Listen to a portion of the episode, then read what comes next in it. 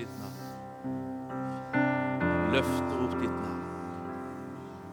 Vi bare vender hjertene våre til du og bare vil gi deg ære og gi deg pris. Gi deg ære og gi deg pris. Du som er verd all ære, du som er verd all lov, du som er verd all pris.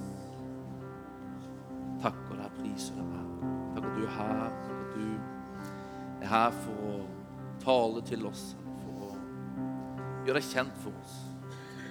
Jeg ber at vi skal få se, Herre, mer av du i dag. At ditt ord, Herre, skal få være levende. Gjøre noe i våre liv. Tal til oss. Vekk en tro, en tillit, Herre, på du og ditt ord i våre hjerter. Vi takker deg for den du er, Herre. I Jesu navn. Amen, amen, amen. Takk, lovsangere. Veldig herlig dere skal få komme tilbake igjen. Det er jo en bra greie, er det ikke det? At dere får lov til å komme tilbake igjen. Det er så herlig synes jeg, å høre hva Gud gjør. Jeg har lyst til at vi skal ha en sånn her eh, greie iblant oss, at vi på en måte liksom feirer når Gud gjør noe godt iblant oss. Det å høre Berit fortelle om hvordan Gud har på en måte sørga for og velsigne de økonomisk, det er fantastisk herlig å høre. Og jeg tenker at eh, Man har alltid to valg når man eh, hører sånne fortellinger om hva Gud gjør i menneskers liv. Enten så kan man bli misunnelig og tenke 'Hvorfor gjør han ikke det i mitt liv?' Eller så kan man feire det, glede seg på de andres vegne, og så takke Gud for at han tenker å gjøre det igjen. Vet du, jeg tror Når Gud gjør noe i et menneskes liv, så er det samtidig sånn, det er et uttrykk for hans godhet. Og så er det et signal som sier 'Jeg vil gjøre det igjen'. Jeg vil gjøre det igjen. Husker vi hadde en av, en av hovedlederne på Arken. Hun var jo så der utrolig velsigna. altså, altså, det rant liksom inn. Hun er en utrolig giver. Utrolig sjenerøs. Men igjen, også var hun i en sånn livssituasjon der hun ikke hadde forutsetninger egentlig for å gi. Hun var enslig med mange barn. altså. Men på en liksom forunderlig måte så bare strømma liksom ressursene inn. altså. Hun kunne få konvolutter med tusenvis av kroner bare i postkassa. Hun visste ikke hvor det kom fra. så, hva er det, liksom? Hennes vitnesbyrd var at hun var en giver. Hun var en giver. Og Det fins en velsignelse ved det å gi som jeg tror er en sånn fantastisk nøkkel å få tak på. Det å la seg inspirere av sånne, av sånne vitnesbyrd som, eh, som, Berit akkurat ga oss. Og, og så la seg inspirere til å våge stole på Gud og det å bli en giver. Det blir en giver. En stor glede å gi i tillegg. Det er en velsignelse i seg sjøl å gi. Og så tror jeg at en åpen, givende hand, det er en hand som er åpen for å ta imot. Amen.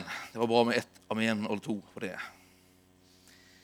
Lukas evangelium, kapittel 6, vers 12. Jeg begynte å tale litt der for tre uker siden. er det nå faktisk. Vi taler om etterfølgelse eller å være en disippel, en som følger Jesus, som lærer Jesus, som en etterkommer av han. Vi kommer liksom i ettertid av han. Han er vårt eksempel når han gikk her på jorda. Viser han oss et eksempel. Og hans bønn til sin far før han blir tatt opp, det er at vi skal være som han i denne verden. Det er hans hensikt og hans plan med våre liv. Han ønsker å forvandle oss, forme oss, gjøre oss lik han i denne verden. Sånn at verden får se han gjennom våre liv. Det er det som er å være en etterfølger, og det er det vi prater om. Og eh, Lukas 6, 12-19 leser jeg. På denne tiden gikk han en gang opp i fjellet for å be. Det var Jesus. Og hele natten var han der i bønn til Gud. Da det ble dag, kalte han til seg disiplene sine, og, av valgte, og av dem valgte han ut tolv, som han også kalte apostel. Det var Simon, som han også ga navnet Peter, og hans bror Andreas, Jakob og Johannes, Philip og Bartolomeus, Matteus og Thomas, Jakobs sønn av Alfeus, og Simon, som kaltes Seloten, Judas Jakobs sønn og Judas Iskariot, han som ble forræder. Sammen med dem gikk han ned igjen og stanset på en slette.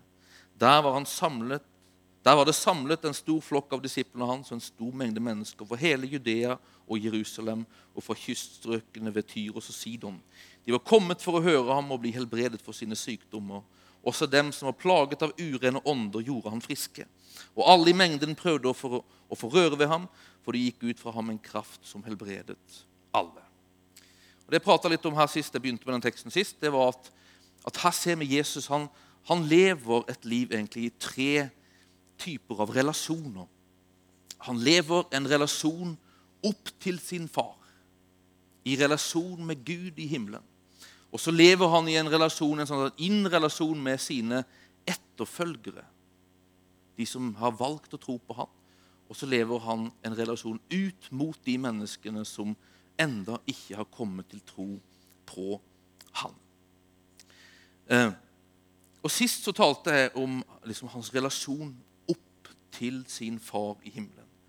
Og Jeg sa at denne, relasjonen var, var, forutsetningen og utgangspunktet for alt det Jesus gjorde. For hans liv her på jorda. Han sa sjøl at han, han, sa bare det han sa, det han hørte far si, og han gjorde det han så far gjøre. Hans relasjon med Gud det var en intim relasjon. Han introduserer Jesus Gud som en far. Og så inviterer han sine vetterfølgere inn i den samme relasjonen. Og så sa jeg sist det at hvis vi eh, ønsker å være som han i denne verden, så er det viktig for oss å forstå at det som gjorde Jesus til den han var, det var hans relasjon med far i himmelen. Og vi kan ikke bli han lik hvis vi ikke vi har en lignende relasjon til Gud som den Jesus har. Han kaller Gud for sin far, og så sier han at hans far er vår far. Og så inviterer han oss inn i den relasjonen der vi kan som han se og høre fra Gud, og så gjøre og si det vi får fra ham. Det er den relasjonen med Gud som Jesus peker på og viser på, og som han inviterer oss inn i. Han, hans liv på jorda det var på en måte et liv der han levde ut det han tok imot hos sin far. Og Han levde ut det i relasjonen med de som fulgte ham. Og han levde ute i relasjonen med de menneskene der ute som enda ikke hadde kommet til den troen og det valget. Og vi er invitert til det samme. Vi er invitert inn i en relasjon med Gud. som vi er utfordra på å leve ut i relasjonen med hverandre. Med mye andre som tror på Jesus Kristus. Og vi er kalt og invitert til å leve ut den i relasjonen med de menneskene der ute som enda ikke har kommet til tro på ham. Det å være en etterfølger det er egentlig et sånt todelt oppdrag. For det første så handler det om at vi skal sjøl være etterfølgere. Vi, skal, vi, er invitert til å følge ham. Men så er vi òg utfordra på å hjelpe andre mennesker til å bli etterfølgere. Vi er kalt til å sjøl utvikle en sånn nær, sterk relasjon med Gud. Men så er vi òg kalt til å hjelpe andre og hverandre inn i en sånn relasjon. Og I dag tenkte jeg at vi skulle prate om det her med relasjonen til hverandre. Den relasjonen som Jesus hadde med de som fulgte ham, og den relasjonen han, han på en måte la til rette for og inviterte de som fulgte ham, å ha med hverandre. De var ikke kalt til et sololøp, de var kalt til å leve et liv i etterfølgelse av han, av han eh, i fellesskap med hverandre.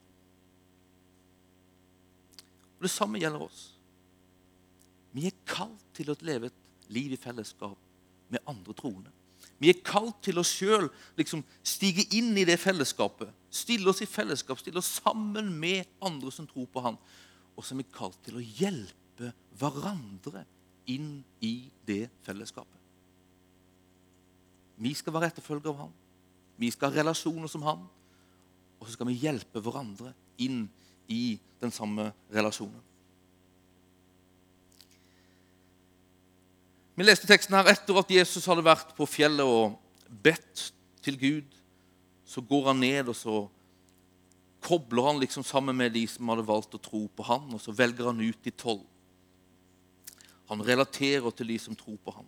Og Når vi leser denne eh, storyen i Markus' evangelium Han skriver jo liksom om samme hendelse når Jesus velger ut de tolv.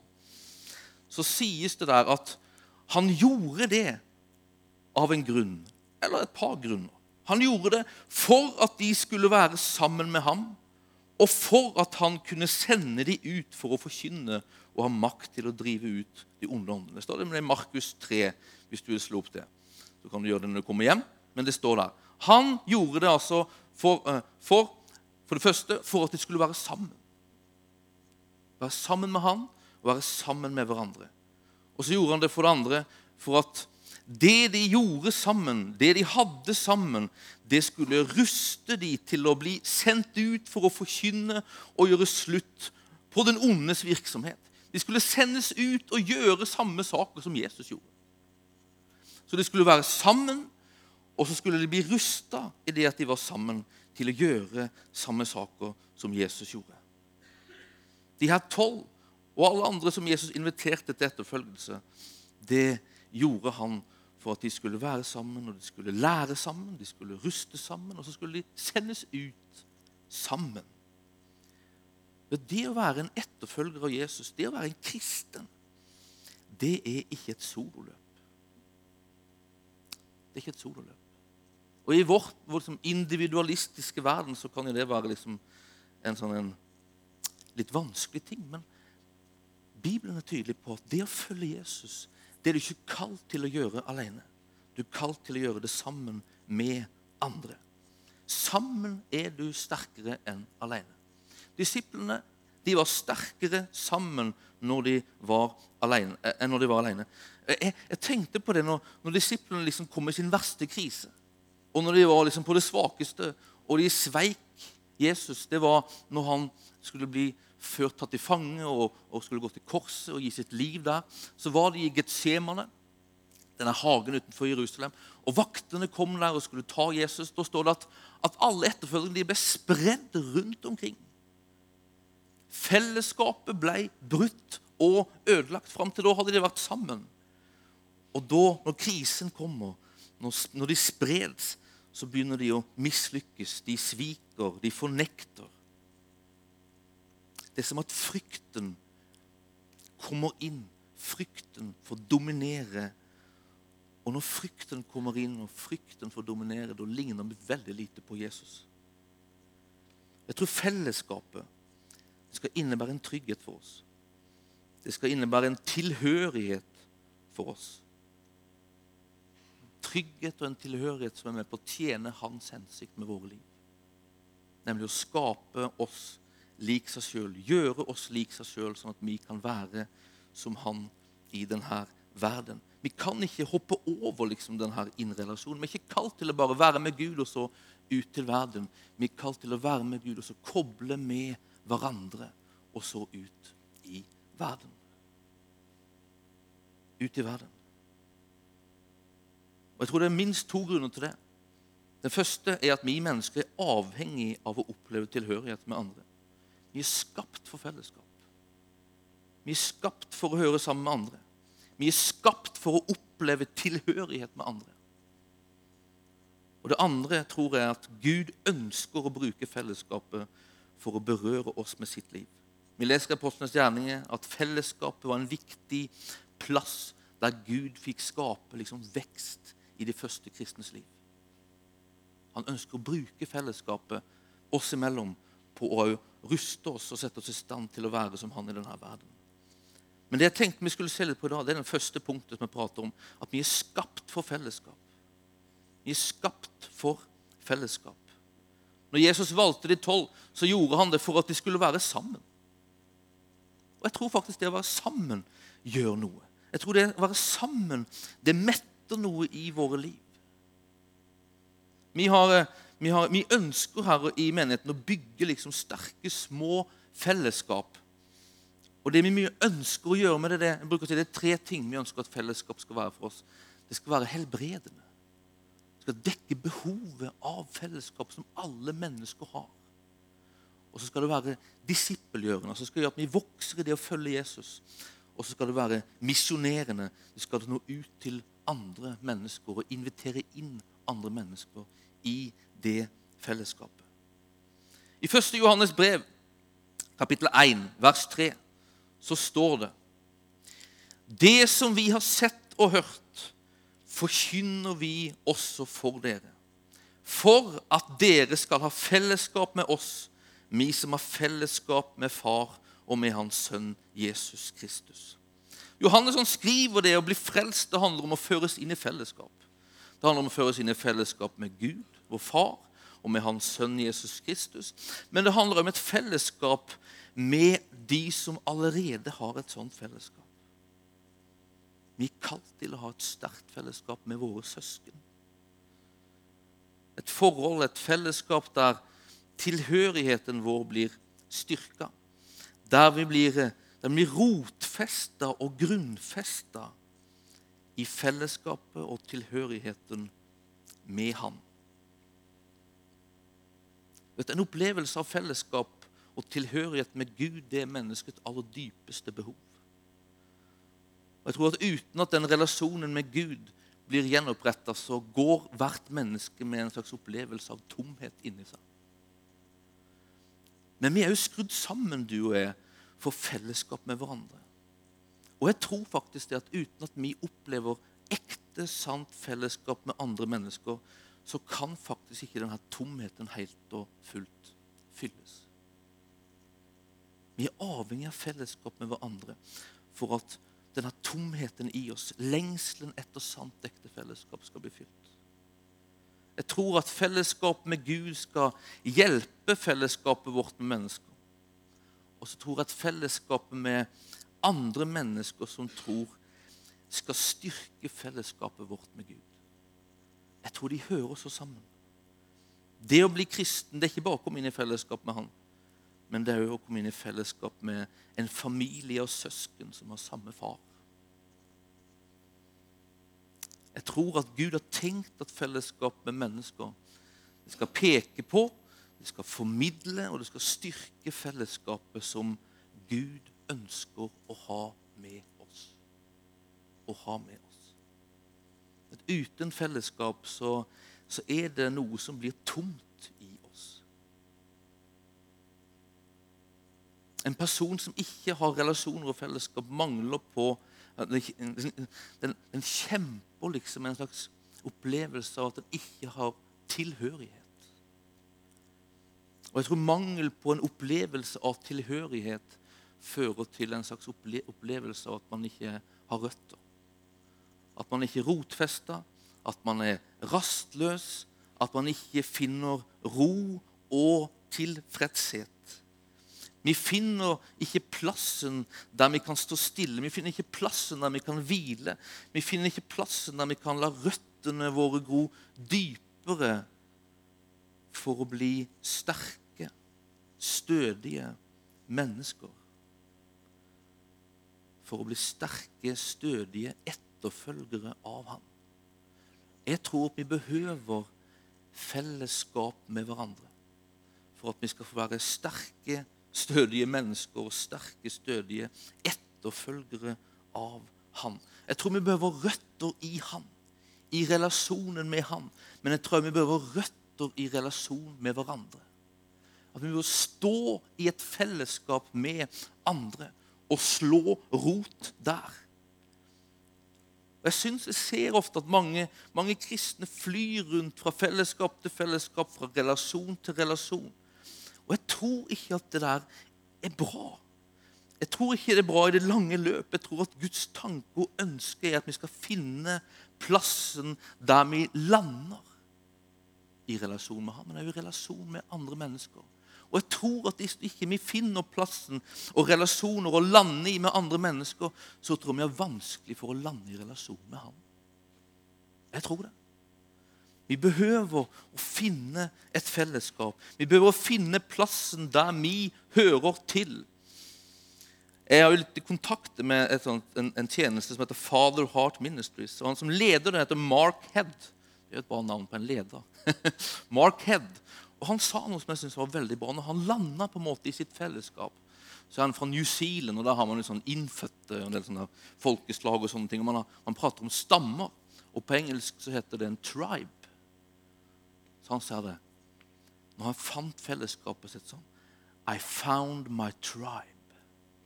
Og så lyste han opp. Han fant stammen sin. Han fant plassen der han hørte hjemme, og kjente og opplevde tilhørighet. Og det tror jeg vi er behov av å skape og finne en plass der vi finner tilhørighet. Vi skal ikke være rotløse. Vi skal ikke ha mangel på tilhørighet. Hva er det som skjer når vi ikke har denne opplevelsen? Hva er det som skjer når vi, når vi går med det tomrommet der vi leiter og lengter etter tilhørighet og aksept og være hjemme? Jo, jeg tror at du er drevet av det behovet til du finner det. Og jeg tror at jo mer du ikke finner det, jo mer forsøker du å oppnå, med, oppnå det med å forsøke å passe inn. Forsøke å være sånn som du tenker at man bør være for å passe inn. Resultatet av det er at man blir uekte. At man blir en slags kameleon til og med, som forandrer seg etter omstendighetene for å kunne passe inn. Jeg tror at en del synd har grunn i det her. At man har mangel på opplevelse av tilhørighet. Jeg tror at utenom ekteskapelige seksuelle relasjoner, jeg tror pornografi, men jeg tror også kritikk, baktalelse, skryt Det er eksempler på sånne ting som, som gror veldig godt i en atmosfære der du opplever brist på tilhørighet og bekreftelse. Jeg tror på mangel i hvile, mangel i hvile på relasjonen din med Gud. Det er òg noe som på en måte har rot i og grunn i det her, at ikke du kjenner at du tilhører noen plass. Og så prøver du å oppnå tilhørighet og aksept ved å streve etter å fortjene det. Du strever det etter det i relasjon med Gud, og du strever etter det i relasjonen med mennesker. Mye av det her har sin grunn i at vi ikke opplever tilhørighet. Tilhørighet. Hva er det her med tilhørighet? Hva er det det gjør med oss? Hvordan oppstår det? Hvordan kan vi hjelpe hverandre inn i en opplevelse av tilhørighet og fellesskap med oss og videre i en relasjon med Gud? Sandra hun har blitt det siste året vel egentlig litt sånn begeistra for en, en, troende sosiolog som jobber med sånn sosiale relasjoner, og sånne ting, som heter Brenny Brown. Og hun Brenny Brown hun gjorde et forskningsprosjekt. Hun forska på skam og på sårbarhet. Og så så hun på det her med tilhørighet.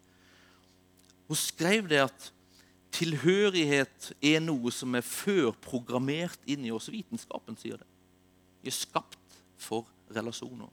Noen har lagt det i oss. Alle lengter etter det. Alle behøver det for å utvikle psykisk, fysisk, intellektuelt og åndelig, sier hun. Jeg tror det er veldig sant. Og så sier hun sånn Hva er tilhørighet? Jo, hun sier sånn Det er den kraft som oppstår mellom mennesker når de opplever at noen ser dem, lytter til dem og setter verdi på dem. I den plassen, på den plassen, så oppstår en opplevelse av tilhørighet. Når noen ser deg, du opplever at noen ser deg, du opplever at noen hører deg. Du opplever at du er, har en verdi i møte med et menneske. Da connecter vi. Da. Og så sier hun videre at denne opplevelsen av å tilhøre, den føder tilhørighet. Altså, Det gjør at du kan gi det videre. Når du opplever at du er sett og respektert, så kan du se og respektere videre. Til den som har vist det mot deg, og mer og mer mot andre.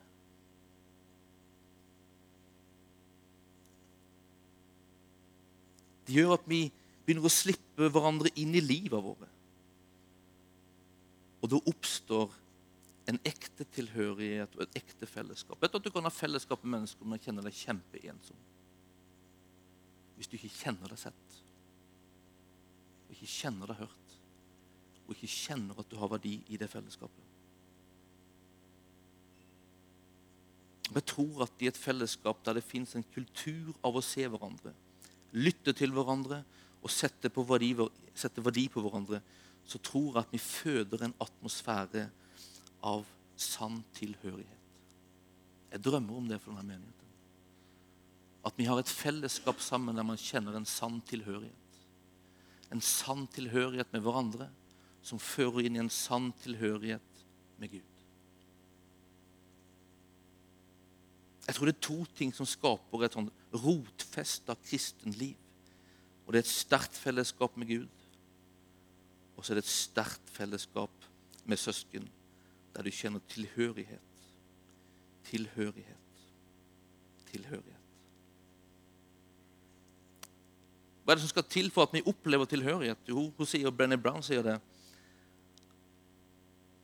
At hun, I hennes undersøkelse var det én ting som var forskjellen på de som kunne oppleve tilhørighet, og de som ikke kunne oppleve det. Og den ene saken det var troen på din egen verdi.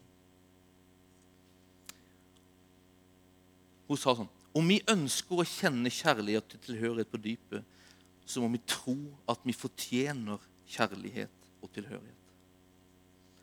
Om vi vil kjenne kjærlighet og tilhørighet i forhold til Gud, så må vi komme til en tro på at vi fortjener hans kjærlighet og tilhørighet.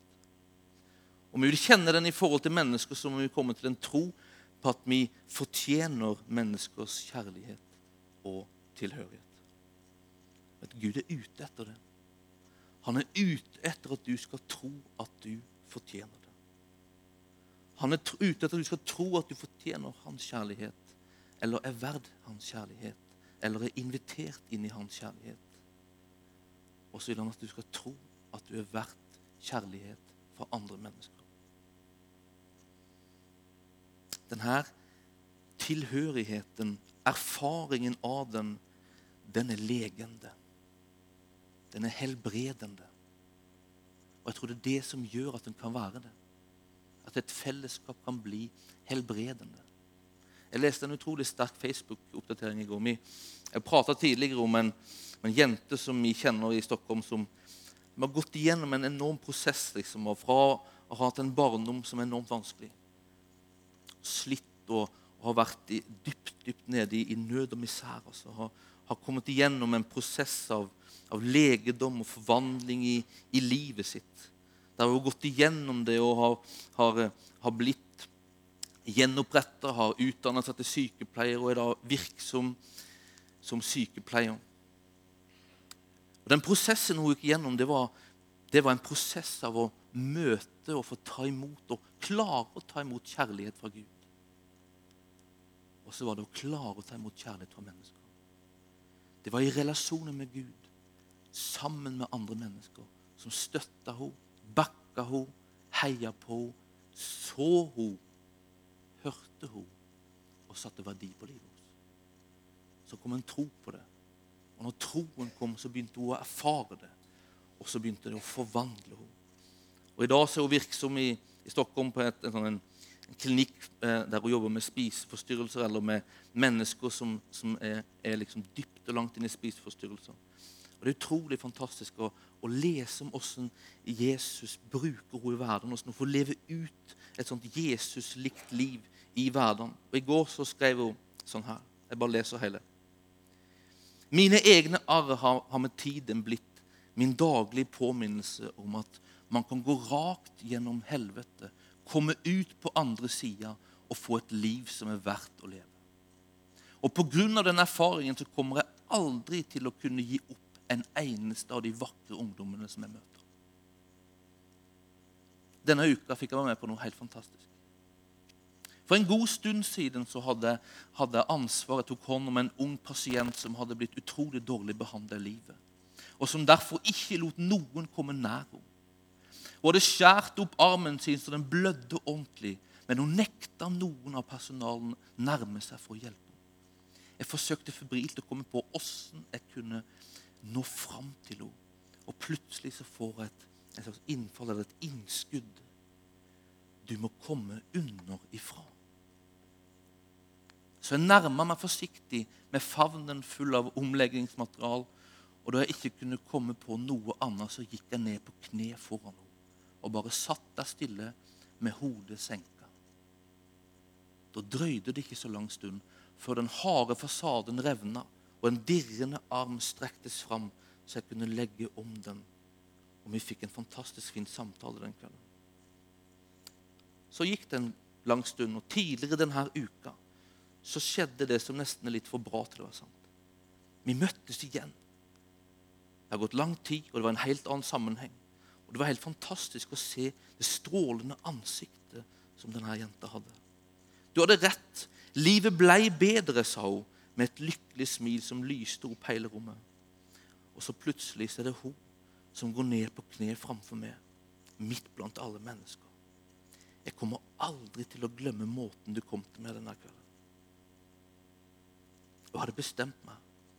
Hvis vi noensinne møtes igjen, så vil jeg sjøl bøye meg for det du gjorde for meg, sier hun med tårer i øynene.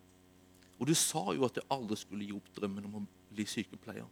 Og nå vil jeg at du skal vite at nå studerer jeg for å bli sykepleier. Jeg elsker det. Og når jeg blir ferdig, så skal jeg jobbe med mennesker som tror at de ikke har noen framtid. Da skal jeg være den som sier at livet blir bedre. Det fins helbredelse i fellesskapet hvis vi møter hverandre på en måte der vi ser hverandre, hører hverandre og setter verdi på hverandre. Der vi ikke spør om det som har vært, men der vi ser etter det som ligger der, nedlagt av Gud, og setter verdi på mennesket. Det fins helbredelse i det. Og jeg tror at denne relasjonen, fellesskapet, innrelasjonen, familierelasjonen med de som deler troa vår med Jesus Kristus, det er en sånn utrolig viktig relasjon for å være sunn, sterk og Jesus-lik person i den verden vi lever i. Der fins tryggheten. Der fins ektheten. Der fins forutsetningen for at vi kan leve et liv som er ekte, og som ligner Jesus på riktig. Og Jeg tror at det finnes så mye vekst i det her. Jeg tror at det finnes så mye legedom i det her, i så mye kraft i det her, å ha dype røtter i det her fellesskapet. Jeg tror at et sånt fellesskap et fellesskap der vi kan få erfare og oppleve lignende hendelser som på sykehuset i Stockholm. Jeg tror at det er et fellesskap der vi kan daglig få leve ut det her Jesus like livet, der livet fra Han kan få strømme inn og gjøre en forandring. Derfor jeg tror at det fellesskapet det er et fellesskap der vi åpner oss for kjærlighet. Der vi åpner oss for kjærlighet. Og jeg tror at vi er kalt til å hjelpe hverandre til å åpne oss for kjærlighet. Jeg tror manges hjerter er stengt for kjærlighet. Så at Gud når ikke inn med sin kjærlighet. Jeg tror at vi er kalt til å være kanaler for han. Redskap for han. Det å hjelpe hverandre med å åpne hverandres hjerter, så han kan nå inn. Og Jeg tror det skjer ved at vi ser hverandre, vi hører hverandre, og vi setter verdi på hverandre.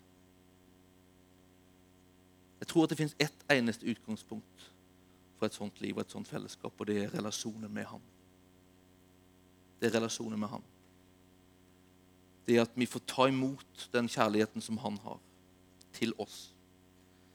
Det at han får prege oss sånn at vi får en tro på at vi er verdt å elske.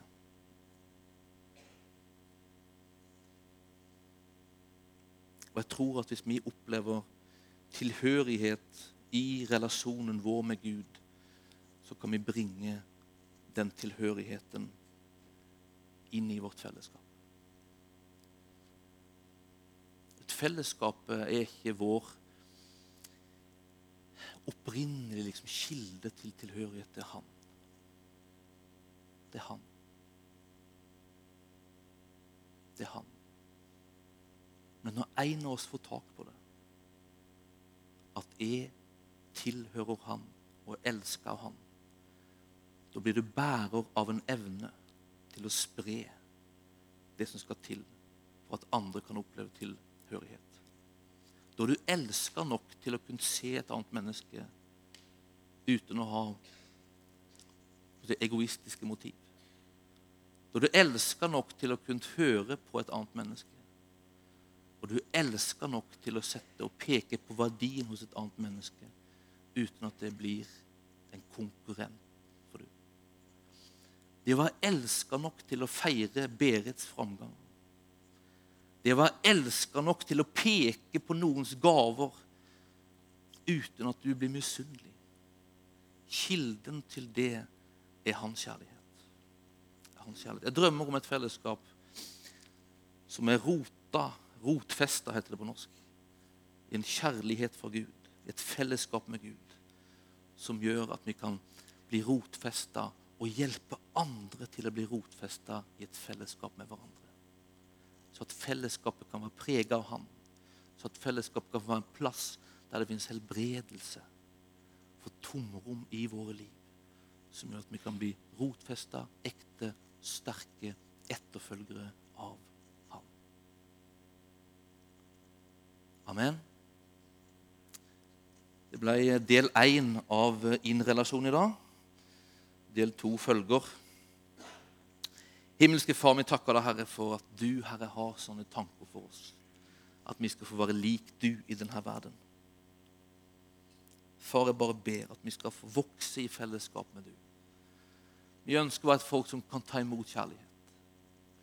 Hjelp oss til å være et folk som kan gjøre det og hjelp oss til å hjelpe hverandre.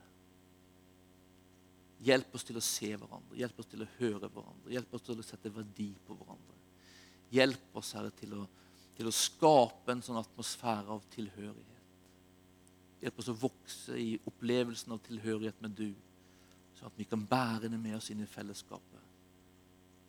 Og være med og føde fram en plass, en kultur, en atmosfære der mennesker kommer inn til en punkt der de opplever seg sett og hørt, og opplever tilhørighet. Jeg priser og ærer og lover deg. Takk at du elsker de vi er. Ekte mennesker. Takk at du er på, liksom på, en, du er liksom på, på oppdrag i våre liv. Der du vil elske fram de ekte utgavene av oss. Fortsett ditt verk, Herre i våre liv som enkeltmennesker. Fortsett ditt verk i våre liv som menighet. I Jesu navn. Amen. Amen. Tilhørighet i det som er en guddommelig familie. Vi er en guddommelig familie. Det er menigheten. Familie. Og I dag skal vi feire nattverd sammen. Og Nattverden er jo òg en demonstrasjon av fellesskap Og jeg tenkte vi kan eh, lese det. De som skal eh, være med og dele ut nattverden, kan komme fram.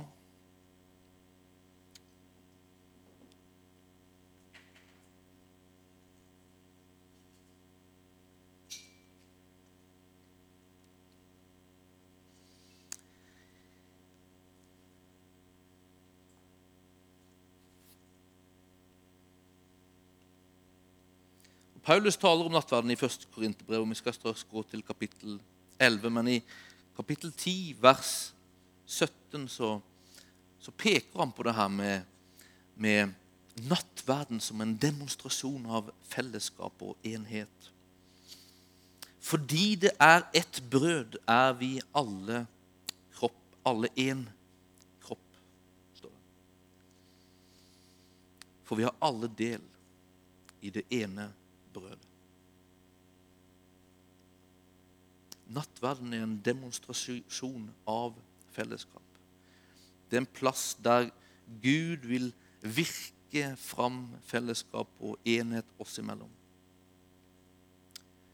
Det demonstrerer det, og det formidler det. Første Korinterbrev, kapittel 11, så leser vi innstiftelses ordene til Herrens nattverd. Vers 23. For jeg er mottatt fra Herren det jeg også har gitt videre til dere. I den natt da Herren Jesus ble forrådt, tok han et brød.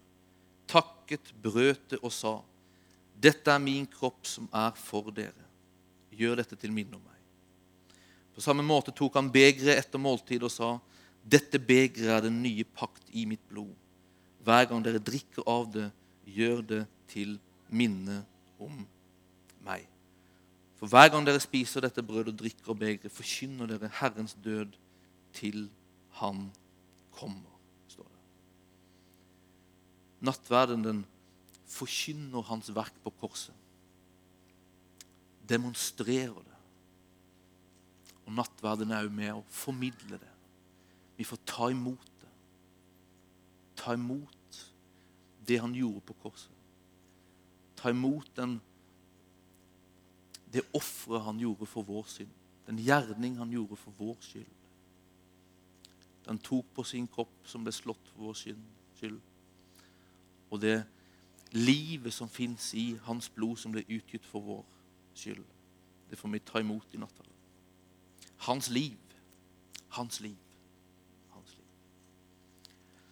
Som gjør det sånn når vi, vi tar nattverden også i nattverden, vær bevisst på det her at nå tar jeg imot fruktene av hans lidelse. Tar imot livet fra han. Er du i behov av legedom og helbredelse, så tro til at når du tar imot nattverden, så tar du imot det. Er du i behov av en berøring av han, ta imot den i nattverden.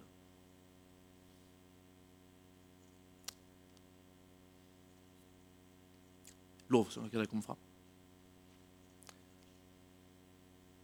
Så synger dere og spiller litt mens vi tar nattverden. Så er det to stasjoner her. Alt brød er glutenfritt. Men Så bare stiller dere opp. Velger der eller der. Og så tar vi nattverden sammen. Og så går tilbake i radene, og så tar vi en stund av tilbedelse. Lovsang. Er det sånn at du ønsker forbønn, så er du veldig velkommen fram. Så ber vi gjerne for med deg. Eller så, så blir det liksom en sånn flytende avslutning av møtet. Kafeen åpner om en liten stund. Og så er du her så lenge du vil og vil være det. Eller så bare ses vi der inne. Vær så god. Ta et. Dere som ikke er så vant med det, så er det har, Det er noe som heter tunger. Altså et språk vi får av Gud. Eh, og jeg kjenner så på at jeg skal bære fram eh, de tungene, og så må vi be om at noen kan tyde dem. Da er det Gud legger de ordene ned i et menneske, sånn at vi kan forstå det. Chiaramantori blentai chiarandai brostondara mantoria entalamangori blestendere mentei shikiwa o la mantoria. Engla mantoni en stenda la mantori. Igla stori en stenda la mantori brendei kora hendei kora hendei lo coria scendora mantoria.